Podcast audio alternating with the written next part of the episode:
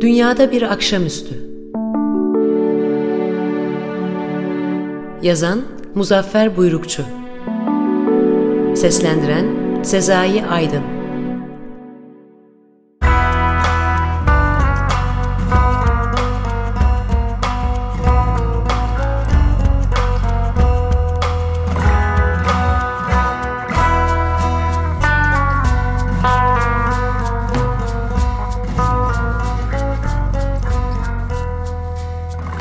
Tramvaycının küçük oğlu Sarı köşeyi hızla döndü, sokağa girdi.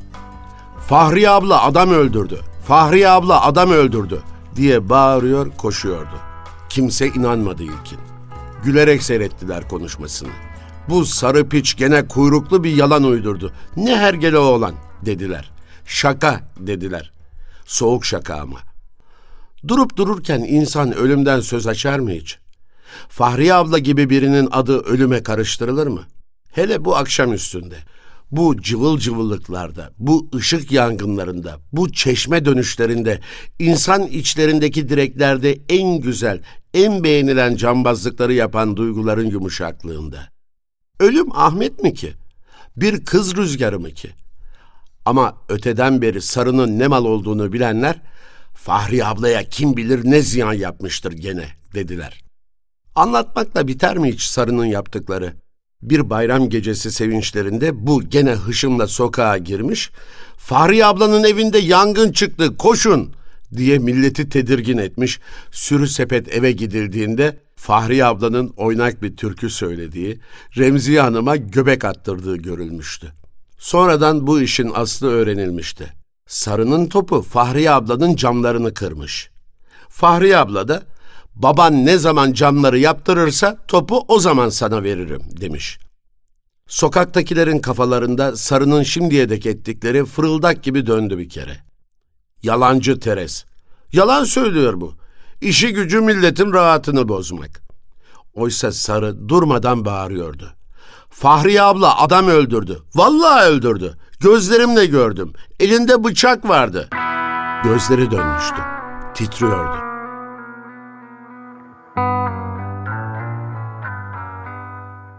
Tuttular kulaklarından. Yürü bakalım. E bu sefer de yalansa görürsün gününü sen dediler, yürüdüler. İnsanlar gerçekten yürüyorlardı. Şuradan şuraya, evden işe, bir sinemaya gitmek değildi. En güçlü bir ilginin karşı koyma tanımayan çağrışına gidiyorlardı. Yanlış göremez mi bu çocuk? Başka biri olamaz mı? Hem bakalım adam gerçekten öldü mü? Belki de yaralıdır. Yanılmalar.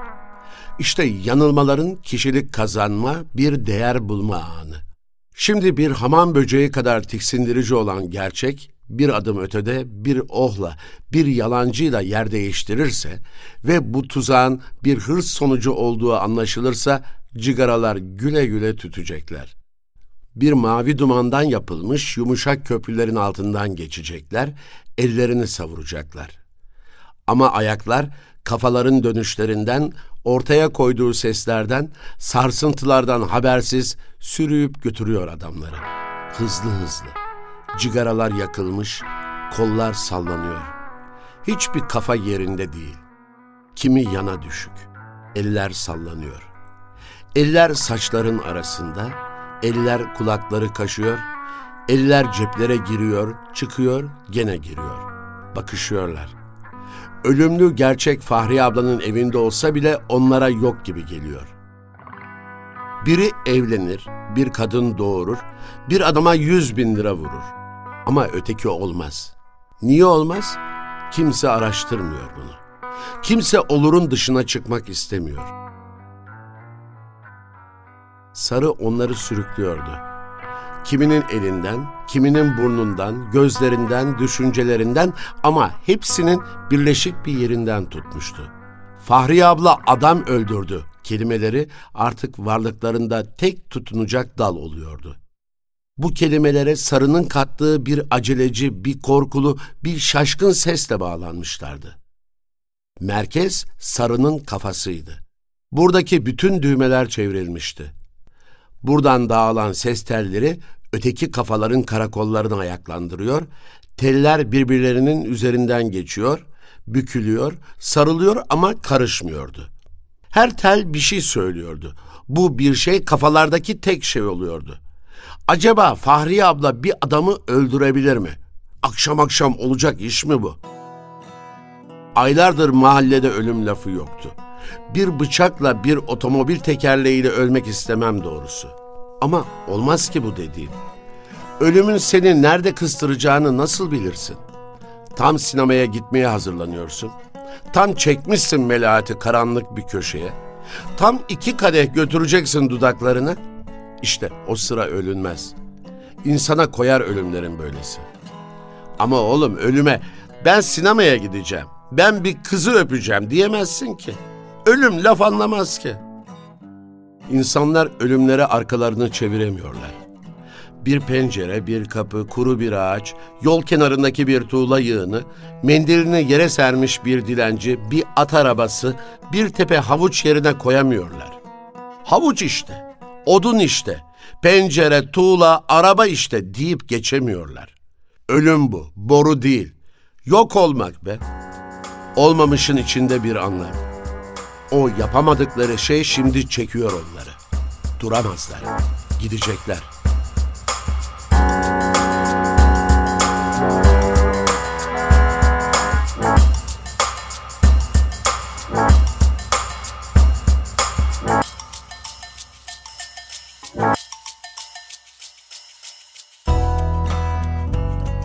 İyiden iyiye Fahriye ablayı düşünüyorlardı. Arka sokakta bir küçük evin tek odasında otururdu. Etine dolgun, yanakları al al, güzelcene bir kadındı. Gözleri zeytin yeşiliydi. Başı her zaman örtülüydü. Bir iki basma entarisi vardı, yıkar yıkar onları giyerdi. En büyük ayazlarda bile ayaklarında çorap yoktu. Kadınlara hep ulan derdi. Ulan kaltak, o suret ne? Dün gece benimle mi yattın? Fahriye abla sokak sokak, ev ev, pencere pencere dolaşır, bildik olsun bildik olmasın kimi görürse ne yapıp ettiğini sorardı. Demek kocan eve gelmiyor ha? Desene ki sen de benim gibisin. Ekmek getiriyor mu? Evine bakıyor mu? Öyleyse laf yok. Kuru bir parça ekmekle gününü gün edenler de var. Cümbüşlere katılır, çamaşıra yardım eder, gezmeye gidenler bakması için çocuklarını ona bırakırlardı. Kızlar gönüllerini vuran acıları ona anlatırlardı. Fala da bakardı Fahriye abla. Bak bak bak kız bir deve yüküyle kapınızdan içeri giriyor. Kısmet var size kız. Büyük bir kısmet hem de. Üç vadeye kadar büyük bir para geçecek elinize. Senin düşmanların var kızım. Biri kısa boylu kel kafalı tıpkı baban. Yolunun üstüne çıkmış bekliyorlar. Bir mektup alacaksın. Biraz sıkılacaksın ama arkası ferah. Sana bir deniz yolu görünüyor. Hayatları beklemek ve ümit etmekle geçen bu küçük insanları sevindirirdi. Falının çoğu da çıkardı. Erkencene kalkardı. Kapının önünü süpürür, sular, perdeleri daha kaldırılmamış, pencereleri açılmamış evlere döner. Ulan tembel kaltaklar! Hala kanmadınız mı uykuya? Bu ne be? diye bağırırdı. Çok istemiş ama çocuğu olmamıştı. Çocuklara delicesine tutkundur.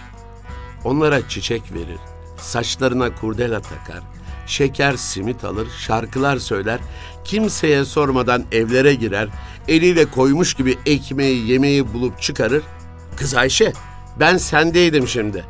Karnımı bir güzel doyurdum. Eline sağlık, bamya lezzetli olmuş. Tabağı yıkadım ha, derdi. Bu adam üçüncü kocasıydı. Birincisi biraz aptalcanaymış. Ne konuşması konuşmak, ne yatması yatmaktı. Odun gibi bir herifti. Bir gün pasaportunu veriverdim. İkincisi bir manavmış. 40 yaşlarındaymış. Bir yıl iyi yaşamışlar. Fahriye'nin yediği önünde yemediği arkasındaymış. Ama bir gün yanında sarışın bir kadınla sinemadan çıktığını görünce eli ayağı buz kesmiş, yerden bir taş almış, kafası budur diye indirivermiş. Adam yıkılmış. Geberdi sandım ama kafası yarılmış sadece. Bu kocasıyla mecburen evlenmiş. Manavdan ayrıldıktan sonra sersefilmiş. Kira verecek parası yokmuş. Karşısına çıkıverince iyi kötü dememiş, yılana sarılır gibi sarılmış. Adam sarhoşun biriydi. Canı isterse eve gelir, istemezse gelmezdi. Bu kadın ne yapıyor? Aç mı, susuz mu aldırdığı yoktu. Arada bir bir beş lira atıyor gidiyordu. Kumar oynar, esrar içer, kavga ederdi. Fahri abla 27 yaşındaydı. Fahri abla olmayınca bu semt semt değildi. Fahri abla bir gökyüzüydü. Fahri abla bir ağaç altı, bir sokak köşesi, bir pencereye vuran ışıktı. Fahri abla bu insanları yaşatan havaydı. Güneşti, türküydü, oyundu. Bunlarla yaklaşıyorlar.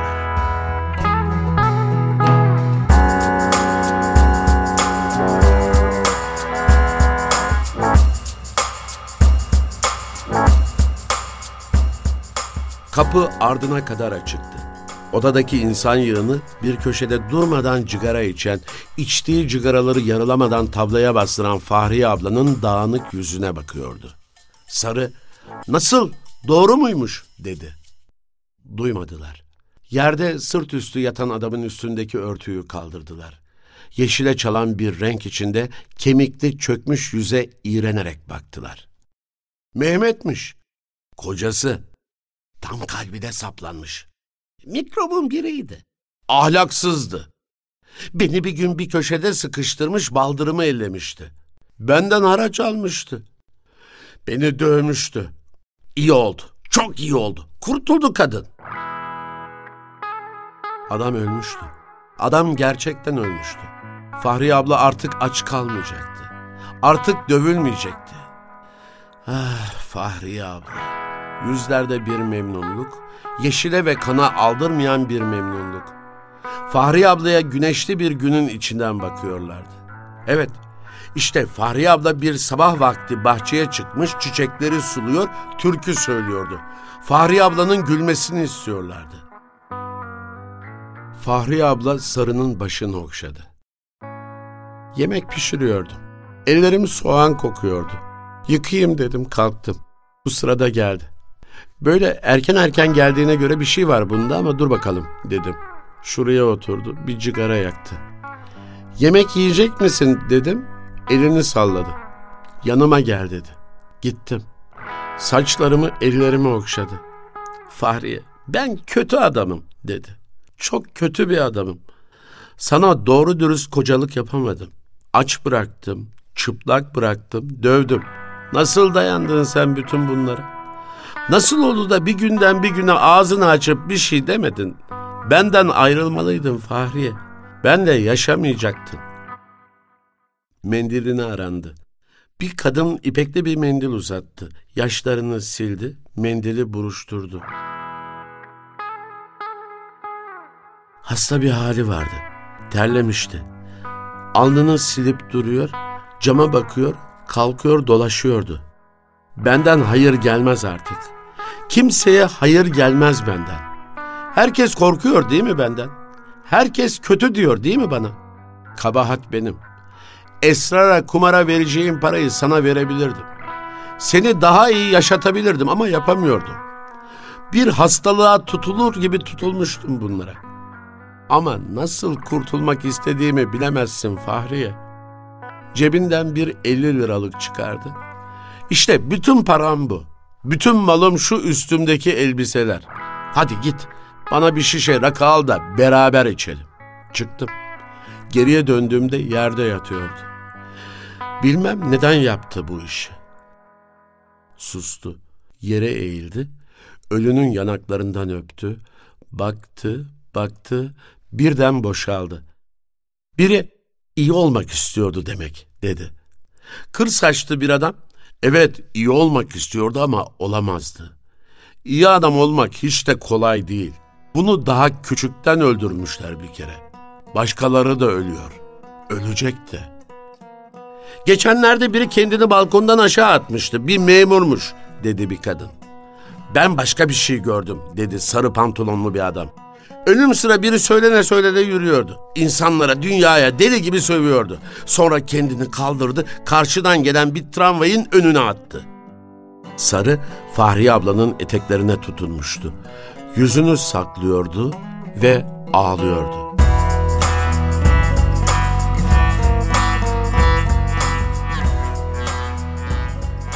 O da yavaş yavaş boşaldı.